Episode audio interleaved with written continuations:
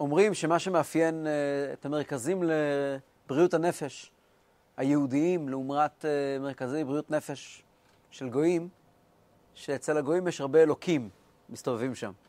במרכזים לבריאות הנפש של יהודים יש בעיקר משיח, הרבה משיח. אלא במהלך ההיסטוריה שילמנו הרבה מאוד מחיר, מחיר יקר מאוד, על כל מיני אנשים שהגיעו והצהירו על עצמם שהם המשיח והם באו לגאול אותנו. אה, מדובר על מאות מקרים במצטבר, בכל חלקי העולם. יש לנו עדויות משחר ההיסטוריה, עוד לפני יציאת מצרים. כתוב ששלושים שנה לפני יציאת מצרים כבר הגיע אדם והודיע שהוא עומד להוציא את עם ישראל מארץ מצרים, והיה לו גם חשבון. יציאת מצרים צריכה להתרחש 400 שנה אחרי משהו. הרי בברית בין הבתרים נאמר, גר יהיה זרעך בארץ עולהם ועבדום ועינו אותם 400 שנה. אבל לא ברור 400 שנה ממתי. בפועל זה היה 400 שנה מלידת יצחק, מאז שהיה זרעך. אבל הוא טען שזה 400 שנה מברית בין הבתרים, של 30 שנה קודם. אז הוא הגיע 30 שנה לפני כן, ויש על זה פסוק בתהילים. בני אפרים, נושקי רומי קשת, הפכו ביום קרב. הם יצאו, בני אפרים, יצאו ממצרים ומתו בדרך. הם נתקלו בפלישתים שהרגו אותם. ולכן אה, כתוב ביציאת מצרים שלא יעברו דרך ארץ פלישתים. אחד הפירושים שלא ייתקלו בעצמות בני אפרים שמתו, שיצאו 30 שנה קודם, ולא, ולא עמדו, לא עמדו, לא עמדו בזה. זו הייתה הפעם הראשונה, ואחר כך היו עוד, עוד הרבה מאוד. המפורסמת שבהם הייתה לא, ממש לפני החורבן, כשקם אה, ישוע נוצרי והכריז על עצמו משיח. ואת המחיר דם של זה אנחנו משלמים עד היום. לא עד היום, אבל עד לפני תקופה יהודים אה, מתו בקשר לזה.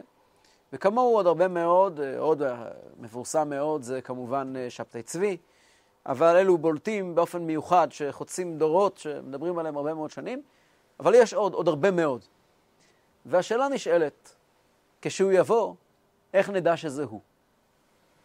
זאת שאלה, ש... שאלה מאוד חשובה, כי קודם כל היא נוגעת בכמה דברים יסודיים מאוד. היא נוגעת בהבנת התפקיד של המשיח,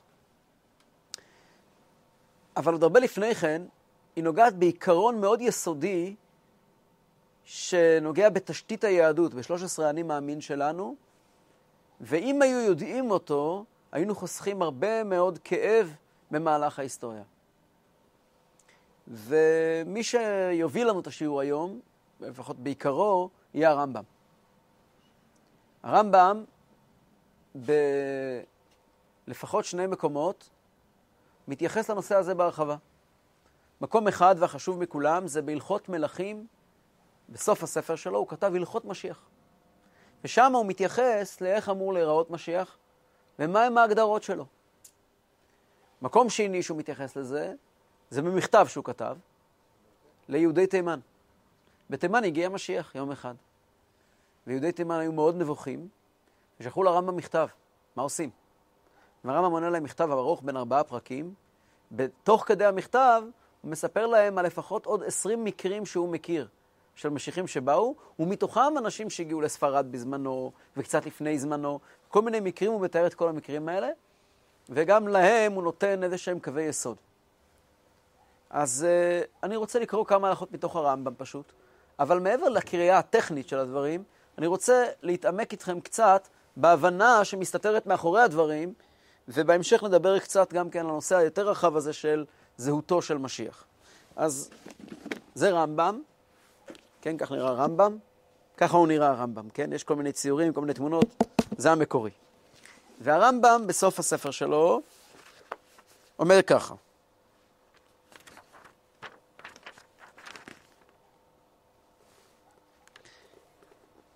ואם יעמוד מלך מבית דוד, כבר אנחנו מתחילים לדבר על משהו. צריך לעמוד מלך מבית דוד. האם המלך הזה צריך לעמוד עם כל הכללים של מלך שנעמד על פי ההלכה? אה, כנראה שלא. ולמה לא? מכיוון שכפי שאנחנו כבר נראה בהמשך, אה, הרמב"ם לומד לא מעט מפרטי משיח, ממשיח שהרמב"ם לא רואה בו משיח שקר בכלל. אדם מאוד חשוב, שהרבה חושבים שהוא משיח שקר, אבל זו טעות. זה בר כוכבא. בר כוכבא היה משיח, אבל לא שקר, אבל לא משיח צדקנו. כבר נדבר על בר כוכבא, הוא, הוא חתיכת נושא כאן. ובר כוכבא, שהיה מלך, היו לו של, אה, סמכויות שלטוניות מוחלטות. אבל הוא לא עמד על ידי נביא ולא נמשך בשמן המשחה, ולא היה סנהדרין שהכתירה אותו. כן היו סנהדרין שהיו איתו, כן, אבל הם לא הכתירו אותו. ובכל זאת הוא היה מלך כי מבחינה שלטונית הוא אחז בשלטון. הוא אחז בשלטון. הוא היה, קודם כל, לפני שמדברים על כל הנושא של משיח, הוא היה כבר מלך. שלב ראשון, מגיע בן אדם אומר אני משיח, קודם כל הוא צריך להיות מלך. מלך פירושו אדם שמחזיק בהנהגה. הנהגה אמיתית, לא, אה, לא רעיונית ולא, ולא חלומית, אלא ממש, בפועל ממש, מי שאחראי על כבישים ועל, ועל, ועל, ועל מכוניות. על הכל. אדם שהוא מלך.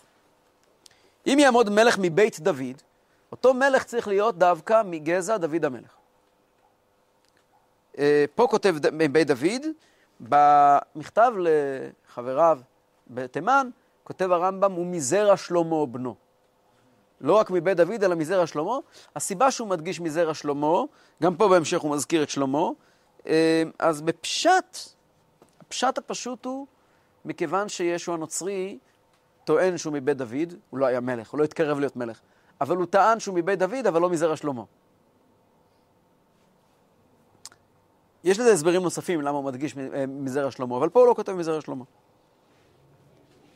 הוגה בתורה, הוא חייב להיות דמות של אדם שעסוק בתורה כל הזמן. למה? מכיוון שתפקידו של המשיח הוא קודם כל ללמד את כל ישראל תורה.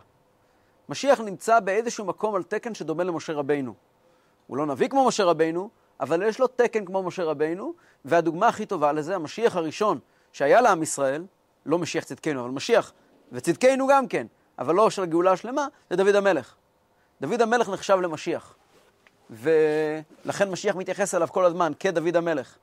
ודוד המלך היה מורה, הוא היה, הוא היה מורה של עם ישראל. הוא לא רק היה מלך, הוא גם היה מורה. זה היה מהתפקידים שלו.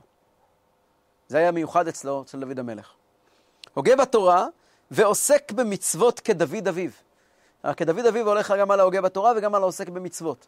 דוד המלך היה עסוק במצוות כל הזמן. והרמב"ם מסייג ואומר, הוגה בתורה ועוסק במצוות, כפי תורה, ש, כפי תורה שבכתב ושבעל פה. זאת אומרת, הוא אמור, הוא אמור להיות אדם שמחויב לחלוטין, כמובן לתורה שבכתב, אבל רק על פי פרשנות חכמינו. משיח הוא לא רפורמיסט. משיח לא יבוא לתת פרשנות אחרת לתורה. משיח חייב לחזק, לעסוק בתורה שבכתב ותורה שבעל פה, המסורה לנו. ואגב, ההיגיון בזה, מעבר לכל הפסוקים והראיות, שלא יכול להיות, וזה עיקרון, לא יכול להיות שמכניסים אותך לכיתה למבחן ובוחנים אותך על חומר שמעולם לא לימדו אותך. אם אנחנו אמורים לזהות את המשיח, אנחנו אמורים לזהות אותו על פי דברים שיש לנו בידיים. אנחנו לא אמורים להמציא איזה שהם פרמטרים חדשים. לא יכול להיות שיבוא אדם ויאמר, יש לי סימנים, אמנם הסימנים האלה הם לא בידיים שלכם, הם בידיים שלי. סליחה, יש פעם הגיע אדם לרבי הרש"ב, אבא שלו היה אדמו"ר, ונשארו לו שני בנים. והבן האחד היה יותר מוצלח, והחסידים אהבו אותו, אז אמרו לו, אתה תהיה אדמו"ר שלנו. והשני מאוד רצה, אבל אף אחד לא רצה אותו. אז הלך לרבי הרש"ב ואמר לו שחלמתי, אבא שלי הגיע אליי בחלום, הוא אמר לי שאני רוצה ש... שאתה תהיה אדמו"ר אחריי. אז הרבי הרש"ב לא התייחס אליו, אז הוא הגיע לעבוד הפעם. אולי תעזור לי, תגיד לחסידים, אני, אבא שלי הגיע בחלום. אומר לו הרבי רש"ב, תגיד פעם הבאה לאבא שלך כשהוא מגיע, שיגיע לחסידים. כאילו, הבחירה למשיח לא מגיעה מצד משיח, היא מגיעה מצידנו. ונכון, כל, כל, כל גדולי ישראל, מי שבחר, מי, שיסת, מי, ש, מי שידע לזהות אותם זה העם קודם כל, כן? אז, אז, אז, אז חייב להיות בפרמטרים שיש לנו, פרמטרים מדידים.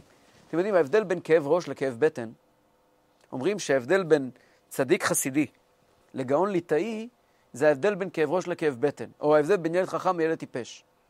שהצדיק החסידי הוא כמו ילד חכם, והצדיק הליטאי הוא כמו ילד טיפש, החכם הליטאי. למה? אז אומרים ככה, ילד חכם לא רוצה ללכת לבית ספר.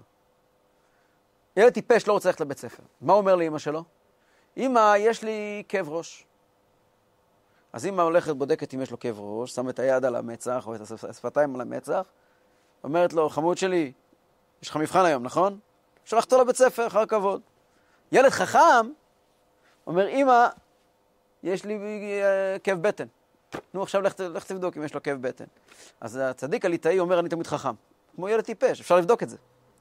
ובדרך כלל, באמת, הוא תמיד חכם, אז אי אפשר להתווכח, הוא תלמיד חכם, תקשיב, זה דבר שאפשר לבדוק אותו. הצדיק החסידי אומר, אני צדיק, יש לי מופתים, אני צדיק, לך תבדוק. לך תבדוק, זה ילד חכם, זה סמארט בוי. אז משיח אמור להיות ילד טיפש, לא ילד חכם, דבר שאפשר לבדוק אותו. תלמיד חכם. ותלמיד חכם יש לזה הגדרות נורא פשוטות. תלמיד חכם זה אדם שהוא תלמיד חכם, זה דבר נורא פשוט לבדיקה, לא, אלו לא מילים גבוהות. יותר מזה, ויחוף כל ישראל, עד כאן היה מוגדר מי הוא כפרסונה, מה הוא עושה. ויחוף כל ישראל ללך בה. הוא עסוק ב... בכפייה דתית. ויחוף כל ישראל ללך בה. ללכת uh, על פי התורה. ולחזק בדקה. כלומר, המשיח עסוק בלחפש איפה התורה צריכה חיזוק, איפה יש מקומות שהיא עלולה להתרופף, ולחזק את בדק הבית של התורה. הוא כופה את כל עם ישראל לקיים תורה. איזה תורה? לא מה שהוא אומר. את התורה, תורה המסורה לנו, ולחזק בדקה. ויילחם מלחמות השם. יילחם מלחמות השם זה מניפה מאוד מאוד גדולה, בפשטות הכוונה היא כפשוטו. הוא הרי מלך, וישנם אויבי השם. עד יעבור עמך השם, יש, יש אנשים שנקראים אויבי השם, שהם אלו שלוחמים בעם ישראל. הוא נלחם בהם. כל, אם כל זה קורה, הרי זה, ושים לב, בני, שאלת מקודם, אז אני פה כבר נותן לך חצי תשובה, הרי זה בחזקת שהוא משיח. זאת אומרת, הוא, יש עליו חזקת משיח. זה עדיין לא אומר שהגאולה הגיעה. והיו כאלה כמה וכמה. הדוגמה הכי הכי נפוצה של אדם שהיה ברמה הזאת לגמרי, היה חזקיהו המלך. חזקיהו המלך עמד בכל הפרמטרים האלה. הוא היה מלך מבית דוד, הוא הגה בתורה ועסק במצוות, וכפה את כל ישראל לקיים תורה ומצוות, כידוע שהוא היה, מי שלא יעסוק בתורה ידקר בחרב. זה כמעט כמו שהולך להיות פה עוד מעט עם השלטון של סמוטריץ', כן? מי שלא עוסק בתורה ידקר בחרב, ככה זה היה בזמנו. ועד ש... כן, זה נקרא ויחזק בדקה, נכון? ובאמת, בזמנו, הוא היה בחזקת משיח. ההלכה אומר, כתוב בגמרא, ביקש הקדוש ברוך הוא לעשות חזקיהו משיח. זאת אומרת, עד השלב הזה הוא היה אדם שהיה ראוי להיות משיח, אלא שהשעה לא הייתה ראויה. גם בר כוכבא עמד בסטטוס הזה. מאיפה אני יודע שבר כוכבא עמד בסטטוס הזה? רמב"ם אומר בהמשך. אבל הוא באמת, הוא היה מלך, וכנראה שהוא היה מבית דוד, ככה רמב"ם אומר, והוא יודע. אין לנו כמעט מידע על, על מרד בר כוכבא.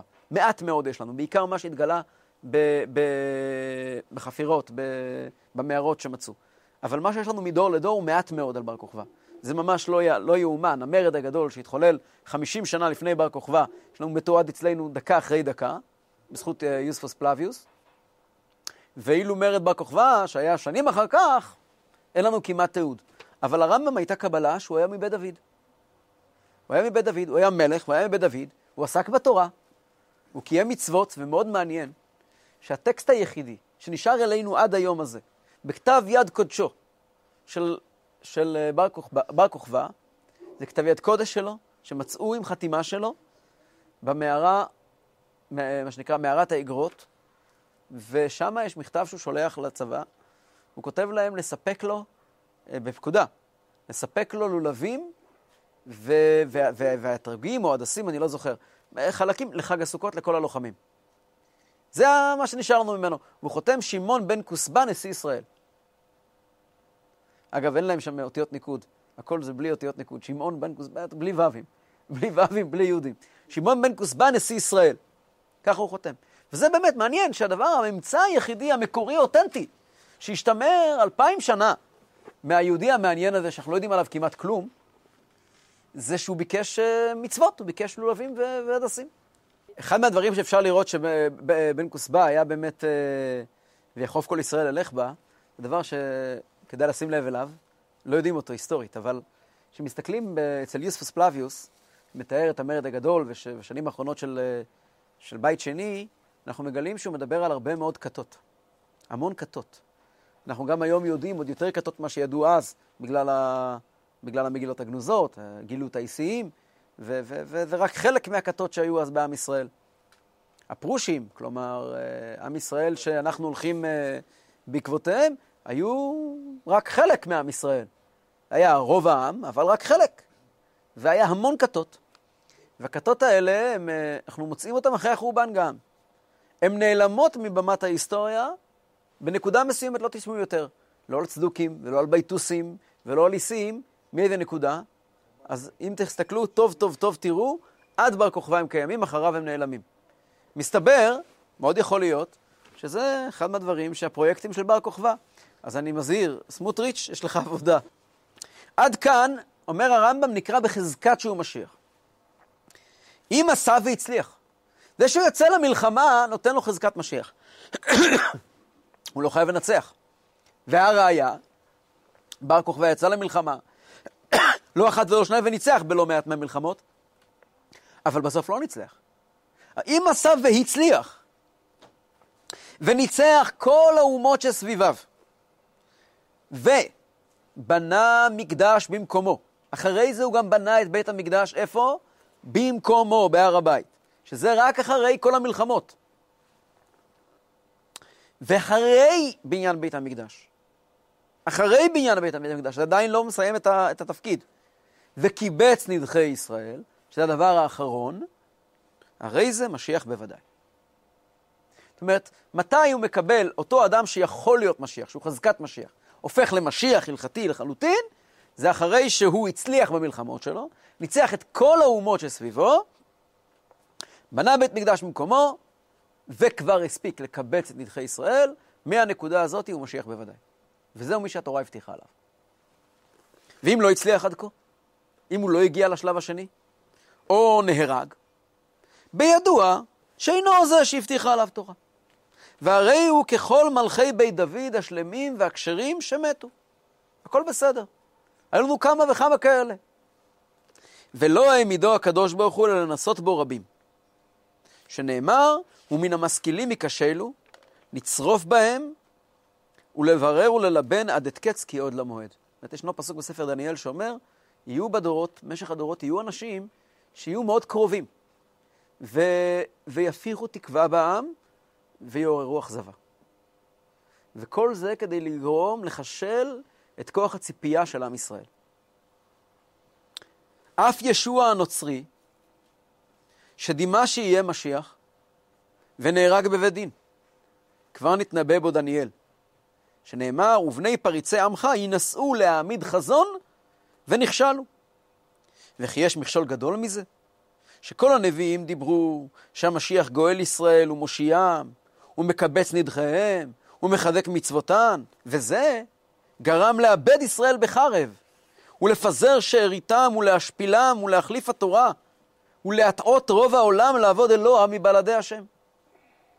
אבל מחשבות בורא העולם, אין כוח באדם להשיגם, אין לנו מושג למה הוא עשה את זה, כי לא דרכינו דרכיו, ולא מחשבותינו מחשבותיו. וכל הדברים האלו, אומר הרמב"ם, של ישוע הנוצרי, ושל זה הישמעאלי שעמד אחריו, הכוונה היא למוחמד, אינן אלא, למה הם קרו?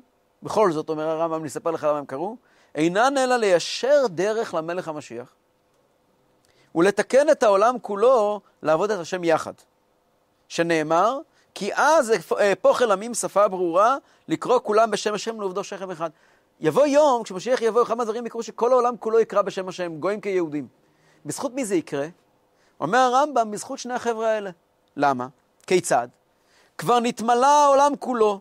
כל העולם כולו של הרמב"ם, ובוודאי שלנו, כבר מלא כולו מדברי המשיח. כולם יודעים שיש דבר כזה משיח. ומדברי התורה, כל העולם מודע לתורה. אלמלא שני החבר'ה האלה, העולם, העולם הפולוליסטי, העולם האלילי, שלפני מוחמד ולפני ישו, לא ידעו מהתורה ומדברי המצוות. העולם כולו גם יודע מהמצוות. ופשטו דברים אלו באיים רחוקים ובעמים רבים ערלי לב. והם נושאים ונותנים בדברים אלו, הם גם מתעסקים עם זה. ובמצוות התורה, אלו אומרים מצוות אלו אמת, אמת היו, וכבר בטלו בזמן הזה. הם, יש כאלה שאומרים, המצוות האלה אומנם נכונים, אבל לא לעכשיו. ואלו אומרים דברים נסתרות יש בהם, אחרים אומרים, זהו אף פעם לא היה אמיתי, זה תמיד רק רמזים. ואינם כפשוטם, וכבר בא משיח וגילה נסתריהם. וכשיעמוד המלך המשיח באמת, ויצליח, וירום, וינסה, מיד הם כולם חוזרים ויודעים ששקר נחלו אבותיהם, ושנביאיהם ואבותיהם יטעו. זאת אומרת, ברגע שמשיח מגיע, הם כולם רק צריך, לא צריכים לייצר להם דיסקים, שלספר להם על התורה ועל עם ישראל, הם כבר יודעים את הכל. רק צריכים לעשות, להחליף שם שבב קטן בתוך הדיסק, לדעת מה האמת, זה הכל. אז בעצם הוא רק עושה למשיח עבודה קלה, שלא יצטרך ללכת לספר לעולם על מתן תורה ועל אברהם אבינו, זה כבר העולם יודע. כל גוי בעולם יודע על אברהם אבינו ועל יעקב אבינו ועל ארץ ישראל ועל עם ישראל, אלא שיודעים דברים מעוותים. יבוא משיח, כל מה שהוא יצטרך זה לא להחליף דיסק, אלא לעשות עדכון גרסה. ומילא הם רק עוזרים למשיח. טוב, עד כאן דברי הרמב"ם. הנקודה היסודית שמסתתרת מאחורי הרעיון הזה שכעת ראינו, זה בעצם, יש פה שני דברים כלליים. מהו תפקידו של המשיח? ובמילא, מיהו? וזו נקודה שאם רק היו יודעים אותה, היו פותרים הרבה בעיות. מה, מה, מה אני מתכוון לומר?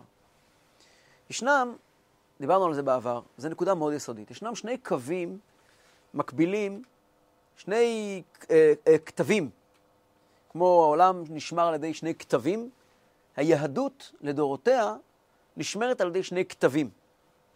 אלא שקוטב אחד נמצא בעבר וקוטב שני בעתיד. ובין הכתבים האלה מתהלכת היהדות. הקוטב הראשון זה מתן תורה. מעמד הר סיני, על ידי משה רבינו, זה הקוטב הראשון. הקוטב השני זאת הגאולה שתבוא. עכשיו, יש תפקידים שונים לשני הכתבים האלה. הקוטב הראשון של מתן תורה, מסירת התורה, הקדוש ברוך הוא נתן לנו את התורה בהר סיני, ומשם, קדימה, רץ קדימה לעולם ועד כמו, כמו אה, אה, קרן לייזר, שחוצה את ההיסטוריה. וקרן לייזר הזאת היא נורא נורא מדויקת, ואין בה סטיות. יש בה התפתחויות, בתורה יש התפתחויות. תורה שבעל פה היא לא דבר סטטי, היא דבר דינמי. לחכמים יש תפקיד, בפירוש, לפתח את התורה. לא רק, אה, אנחנו לא מתיימרים לומר שחכמים לא מוסיפים כלום. חכמים בהחלט כן מוסיפים. תפקיד של חכמים הוא להוסיף. כל, בכל מיני אה, תפקידים, כל, מיני אה, הגדרות שהם קיבלו, בדיוק מה הם אמורים להוסיף. אבל בהחלט התורה הולכת ומתרחבת ומשתנה לפי הדור. אבל גם כשהיא משתנה, היא נאמנת לאותם קווי יסוד. ישנם קווי יסוד של היהדות. קווי היסוד של היהדות, אם נגדיר אותם, אה, עבורנו לפחות, זה שולחן ערוך. שולחן ערוך. בסוף, בסוף, בסוף, שולחן ערוך הם קווי היסוד של היהדות. קווי היסוד האלה הם מתן תורה וקדימה. יש צד שני, ליהדות יש גם כוח שני ששומר עליה. זה שני הכוחות האלה שומרים על עם ישראל במשך כל ההיסטוריה. הכוח השני זה הכוח ההתחדשות, וה, וההתלהבות, וההליכה קדימה, הצעידה קדימה, שזה מגיע מהמשיח. עכשיו, כאשר שני הכוחות האלה לא מכוונים אחד מול השני, זה נורא מסוכן. כאשר מדברים על איזושהי גאולה, על איזשהו משיח, שלא מכוון לחלוטין כנגד קרן הלייזר של מתן תורה, זה עלול להסתיים באסון. ובאמת, אם נדבר כמה רגעים על, על, אה, על שבתאי צבי. שבתאי צבי היה יהודי תלמיד חכם, אפילו תלמיד חכם גדול, והיה יהודי מאוד מאוד מוכשר, וכנראה שהרטוריקה שלו הייתה רטוריקה של יראת שמיים. הוא לא היה בשום פנים ואופן אדם משוגע, הוא בוודאי שלא טיפש. ומי שלחם עבורו והעמיד אותו ושם אותו במרכז, היה אדם גדול מאוד מאוד בשם נתן העזתי. נתן העזתי היה גדול בישראל. נתן העזתי לא היה ילד קטן, בכלל לא. מאוד קל לבטל את זה. אבל נתן העזתי היה אדם גדול מאוד מאוד. תלמיד חכם גדול, מקובל גדול. ובאמת, כשהופיע אה, שבתאי צבי, הוא סחף אחריו את רוב יהודי העולם. מפולין, מפולין ועד ארץ ישראל, עבור דרך טורקיה, ושמועתו הגיעה גם כן למקומות רחוקים מאוד. כל זמן שהסיפור של שבתאי צבי היה קם יהודי ואומר, הגיע זמן הגאולה, זה היה בסדר גמור. לא הייתה בזה שום בעיה ושום פגם, בפרט שהוא גובה בידי רבנים גדולים מאוד. רוב הרבנים הם היו אנשים שהלכו איתו וליוו אותו. ואם אנחנו מצביעים היום על רב אחד או שניים שחשפו וידעו את האמת, אני לא יודע אם בשעת מעשה מי בדיוק החשיב אותם ו- ושם לב אליהם באופן יוצא מן הכלל. לא יודע. ונקודת המעבר הייתה חדה מאוד. באותו יום שבו הוא הכריז שמתפקידו של המשיח לבטל איסורים, מאותו רגע נגמר כל הסיפור. זה היה ברגע אחד. זה לא הפירוש שטעו בו לפני כן. על פי הפרמטרים ההלכתיים הוא עמד בתקנים. הוא אמנם לא היה מלך, אבל הוא מאוד מהר יכול היה להיות כזה. כי היה לו כוח אדיר. ברגע שהוא הודיע שהוא עובר על סעיף בשולחן ערוך, הוא עבר יותר מסעיף אחד. אבל ברגע שהוא הודיע שהוא הולך לעבור על סעיף בשולחן ערוך, הוא אגב לא עשה את זה מתוך תאווה, הוא עשה את זה מתוך תפיסת עולם. אבל ברגע הזה נחצה הקו, נגמר הסיפור. אגב, הרמב"ם אומר, וזו נקודה שאנחנו חייבים להתייחס אליה, כי אחרת אה, העיקר חסר מן הספר. אה, הרמב"ם אומר, הנה, זו הלכה קודם, שלא קראתי אותה מקודם, אבל בעצם, מה המשיח לא צריך לעשות? אומר הרמב"ם ככה, אל יעלה על דעתך שהמלך המשיח צריך לעשות אותות ומופתים. ניסים זה לא סימן על המשיח. או הוא מחדש דברים בעולם, או מחיה מתים. תהיה תחיית המתים, אבל זה לא מהסימנים של משיח. וכיוצא בדברים אלו שהטיפשים אומרים. אין הדבר כן. מאיפה אני יודע, אומר הרמב"ם? שהרי רבי עקיבא, חכם גדול מחכמי משנה היה, אנחנו סומכים על רבי עקיבא. והוא היה נושא כליו של בן כוסבא המלך. והוא היה אומר עליו שהוא המלך המשיח. מי אמר על בן כוסבא שהוא המלך המשיח? בגמרא כתוב שהוא אמר על עצמו, ענה מלכה משיחה. אבל הרמב"ם אומר שרבי עקיבא אמר עליו שהוא מלך המשיח. זאת אומרת שברגע שאמר רבי עקיבא על בן כוסבא שהוא מלך המשיח, זה היה פסק הלכה. זאת הייתה, זה היה פסק הלכה, הבן אדם עומד בכל הפרמטרים. והרי, ו, ודימה הוא וכל חכמי דורו שהוא המלך המשיח. הגמרא מונה חכם אחד שאמר, עקיבא, יצמחו עשבים בלחייך ועדיין אינו בא. אבל זה היה חכם אחד. כל רחמי דורו שהוא מלך המשיח, עד שנהרג בעוונות, כיוון שנהרג, נודע שאינו משיח. ולא שאלו ממנו חכמים לא אות ולא מופת. ועיקר הדברים ככה הם, שהתורה הזאת, אין חוקיה ומשפטיה משתנים לעולם ולעולמי עולמים, ואין מוסיפים עליהם ולא גורעים מהם. וכל המוסיף או גורע, או שגילה פנים בתורה והוציא הדברים של מצוות מפשוטן, הרי זה בוודאי רשע ואפיקורס. פה נפלו כולם. כל משיחי השקר לדורותיהם, כולם. איפה הם נפלו? במילים האלה של הרמב"ם. שימו לב, העולם יאמר, מיהו המשיח? אדם שיבוא ויגיד לך מה אתה חושב. אדם שיבוא ויאמר לך אה, עתידות. אומר הרמב"ם, זה לא הפרמטרים. המשיח הוא אדם לגמרי נורמלי. מלך, מבית דוד, עוסק בתורה, הוגה במצוות כדוד אביו, כפי תורה שבכתב ותורה שבעל פה, ויחוף כל ישראל אלך בה ולחזק בתקה וילחם מלחמות השם, הרי זה בחזקת שהוא משיח. כל מה שקשור לתחום הבלתי נודע, הוא לא מסמני משיח. אני לא, לא אמור לבחור משיח על פי ניסים. בכלל, ביהדות אנחנו לא מייחסים חשיבות לאותות ומופתים. אותות ומופתים לא מלמדים אותנו לא דבר ולא חצי דבר. זה שמשה רבינו עשה כמה אותות ומופתים, אומר הרמב"ם, לא לכן אנחנו מאמינים במשה רבינו. לא בגלל דם ולא בגלל צפרדע ולא בגלל שום דבר. הסיבה שמאמינים במשה רבינו היא בגלל דבר אחד ויחיד. כי כל עם ישראל כולו עמד תחת הר סיני ושמע את קול השם אומר למשה רבינו, לך אמור לישראל. זה הדבר היחידי שבגללו מאמינים משה רבינו. איך אפשר לזהות נביא?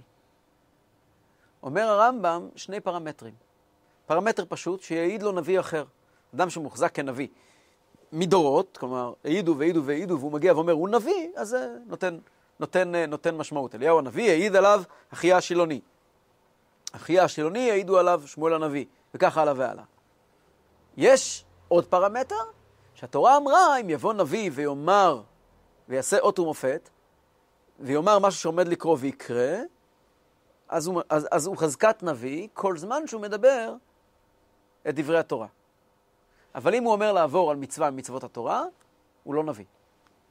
הוא נביא שקר. איי, יכול להיות שהוא עשה אותות ומופתים ויש לו כוחות, הוא מכופף כפיות, אולי אפילו מחיי מתים, הוא נביא שקר לחלוטין. אל, לא, לא תשמע לו ולא תובע אליו, והתורה אוסרת עלינו ליראה ממנו, חייבים להרוג אותו. אם מגיע אדם, נביא, פי הלכה, מגיע אדם שמתנבא. לנביא מותר, אגב, לומר לעבור על מצווה באופן חד פעמי. יש כזה היתר לנביא. אליהו הנביא אמר להקריב קורבן בהר הכרמל. כן? באופן חד פעמי מותר לנביא לומר, לעבור, לעבור על, על אחד ממצוות התורה, אבל בתנאי שהוא אומר, התורה אמרה כך וכך, ויש הוראת שעה באופן מאוד מסוים וחד פעמי, כעת מותר. היו הרבה דברים כאלה בהיסטוריה. אבל לבוא ולומר, מהיום מותר, זאת הוכחה מוחלטת שהוא לא נביא, כיוון שהתורה לא זזה מילימטר מהכיוון של מתן תורה. כל מה שדיברנו עד עכשיו זה הלכתי. הלכה היא תמיד תהיה הבודק שלנו, הפלס שלנו, כדי לדעת את המציאות. אבל משיח הוא לא רק הלכתי. והמשיח חייב להיות מתאים על פי הלכה. אבל הוא לא בא רק לפתוח רמב"ם ולעבור אה, שורה-שורה ולשאול האם בשביל זה באתי. משיח זה הרבה יותר מאשר מה שכתוב ברמב"ם. יש כל כך הרבה מלל על משיח וחז"ל, וכבר דיברנו כל כך הרבה על משיח בשיעורים קודמים. אם הוא לא עומד בפרמטרים האלה, הוא לא בסיפור, אבל הפרמטרים האלה לא זה מה שהופך אותו למשיח. במהות משיח זה התגלות עליונה מאוד של אלוקות כפי שהיא באה לידי ביטוי בידי אדם, ותפקידו של המשיח זה להביא את הקדוש ברוך הוא לעולם. ובעניין הזה, כתוב בזוהר ובעוד ספרים, בכל דור ודור ישנו אדם שמבחינת היכולות שלו, הרוחניים, וההכשרה הנפשית שלו, הוא ראוי להיות משיח. הוא לא בחזקת משיח, הוא לא שום דבר, אבל הוא ראוי להיות משיח. כדי שברגע שהקדוש ברוך הוא רוצה לגאול את עם ישראל, תמיד יש מי שיעשה את זה. וזה מופיע בגמרא בפירוש. הגמרא מספרת על רבי יהושע בן לוי, שהלך אה, לשאול את אליהו הנביא, איפה משיח? ואליהו הנביא אמר לו, הוא נמצא בשער של העיר רומי, יושב שם ומחליף אה, תחבושות. איך אני אדע לזהות אותו? כל ה... האלה שהמצורעים בשער רומי, אז הם מחליפים, מורידים את כל התחבושות של הצרעת של אתמול, שמים פודרה ושמים תחבושות חדשים. המשיח הוא היחידי שמוריד תחבושת אחת, שם פודרה, שם חדש, ואז עובר לתחבושת הבאה. הוא לא עושה את הכל בבת אחת, אלא אחד-אחד. למה? כדי שברגע שהוא יקבל את הקריאה, צא, הוא יהיה מזומן, כמו טייסי קרב. הוא כבר שם. ברגע שהוא יקבל את הקריאה צא, הוא יהיה מוכן, לא יתעכב אפילו שנייה אחת. לכן הוא עושה את זה אחד-אחד. ורבי יהושע בן לוי הלך שם בשער רומי ופגש את, את המצורע הזה. הוא ניגש אליו ואומר לו, מתי קעתי מר? מתי אתה מתכוון להגיע? אז אותו משיח עונה לו, היום. חוזר רבי יהושע בן לוי, מבסוט כולו, לובש בגדי שבת, הוא שמע מהמשיח, היום. ועובר uh, כמה דקות, עובר כמה שעות, והשמש שוקעת, ונדה. חושך על פני תהום, יום חדש למחרת. והיה נורא מאוכזב.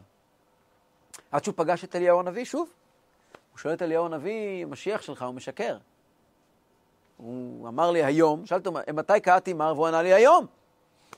אמר לו אליהו הנביא, אתה לא מבין מה שמדברים איתך. היום אם בקולו תשמעו. מה הכוונה היום אם בקולו תשמעו? יש פסוק כזה, היום אם בקולו תשמעו. בעצם כמו טייסי הקרב, הוא אומר, אני מוכן. מתי יוצאים לתקוף באיראן? אתה שואל את טייס הקרב. הוא אומר לך, מבחינתי, היום. זה תלוי בהחלטות ממשלה, אבל זה לא קשור אליי. אני מבחינתי מוכן ברגע זה לקבל את, את, את הקריאה, צא, ואני יוצא. כל מה שתלוי בי בנושא הזה מוכן. לא, אין פה עוד תהליכים שצריכים לקרות. זה תלוי אך ורק בהחלטת ממשלה. ברגע שיש לי אוקיי, אני יוצא. מבחינתי, שואלתי מתי אני מגיע, היום. אם בקולו תשמעו, והקדוש ברוך הוא החליט להביא את המשיח, אני מוכן. ולכן, באמת, בכל דור ודור כתוב שישנו אדם שראוי להיות משיח. והיו יהודים שהלכו והצביעו על אנשים מסוימים, ואמרו, זה משיח. למשל, יש בגמרא, יש ארבע דעות, מה השם של משיח. היו אנשים, תלמידים של רב שילת. רב שילת היה מחכמי, מחכמי התלמוד, והם היו אומרים, שילה שמו. ויש פסוק, עד כי יבוא שילה. ותלמידים של רבי ינאי אמרו ינון שמו. יש פסוק, לפני שמש ינון שמו. ותלמידים של רב מנחם אמרו מנחם שמו. כל אחד אמר על הרב שלו שהוא המשיח. למה? כי הם הסתכלו על הרב שלהם ואמרו, תקשיבו, הבן אדם הזה יש בו את כל הכישורים הנכונים, שאם הקדוש ברוך הוא ירצה, הוא יבחר בו ויגאל את עם ישראל. היו אפילו אנשים שאמרו על עצמם שהם משיח, לא אחד ולא שניים במהלך ההיסטוריה, לא בקטע של, תקשיבו, אני עכשיו עומד לגאול אתכם. דוגמה אחת, מפורסמת, זה, יש בספר אור החיים הקדוש, של רבי חיים בן עטר, שהוא כותב שם, בפירוש, שמשיח חיים שמו. כך הוא כותב. מה הוא בעצם בא לומר? זה בלי רמזים, הוא אומר מאוד פשוט. הוא אומר, ש... הוא אומר מאוד מאוד ברור שהוא רואה בעצמו פוטנציאל. לכן, כשמגיעים ואומרים על אנשים מסוימים, הוא ראוי להיות משיח, צריכים לדעת את ההבחנה שדיברנו עליה היום. יש כללים הלכתיים, מה זה משיח, ובזה אסור לזוז כמלוא נימה. מעבר לזה, בלי שום קשר לזה, ישנו רעיון. מי היה ראוי להיות באופן עקרוני, ובזה לא רק שזה פה השורות פתוחות, אלא בכלל תמיד ראינו שחסידים שדבוקים ברב שלהם מצביעים ואומרים, תקשיבו, אני מרגיש שקיבלתי ממנו כל כך הרבה, והבשורה שלו לעולם היא כל כך עצומה, שיש לי תחושות כלפיו, שאם הקדוש ברוך הוא ירצה לגאול את עם ישראל עכשיו, הוא יהיה האיש. הקדוש ברוך הוא רק יעזור שהוא כבר יבוא.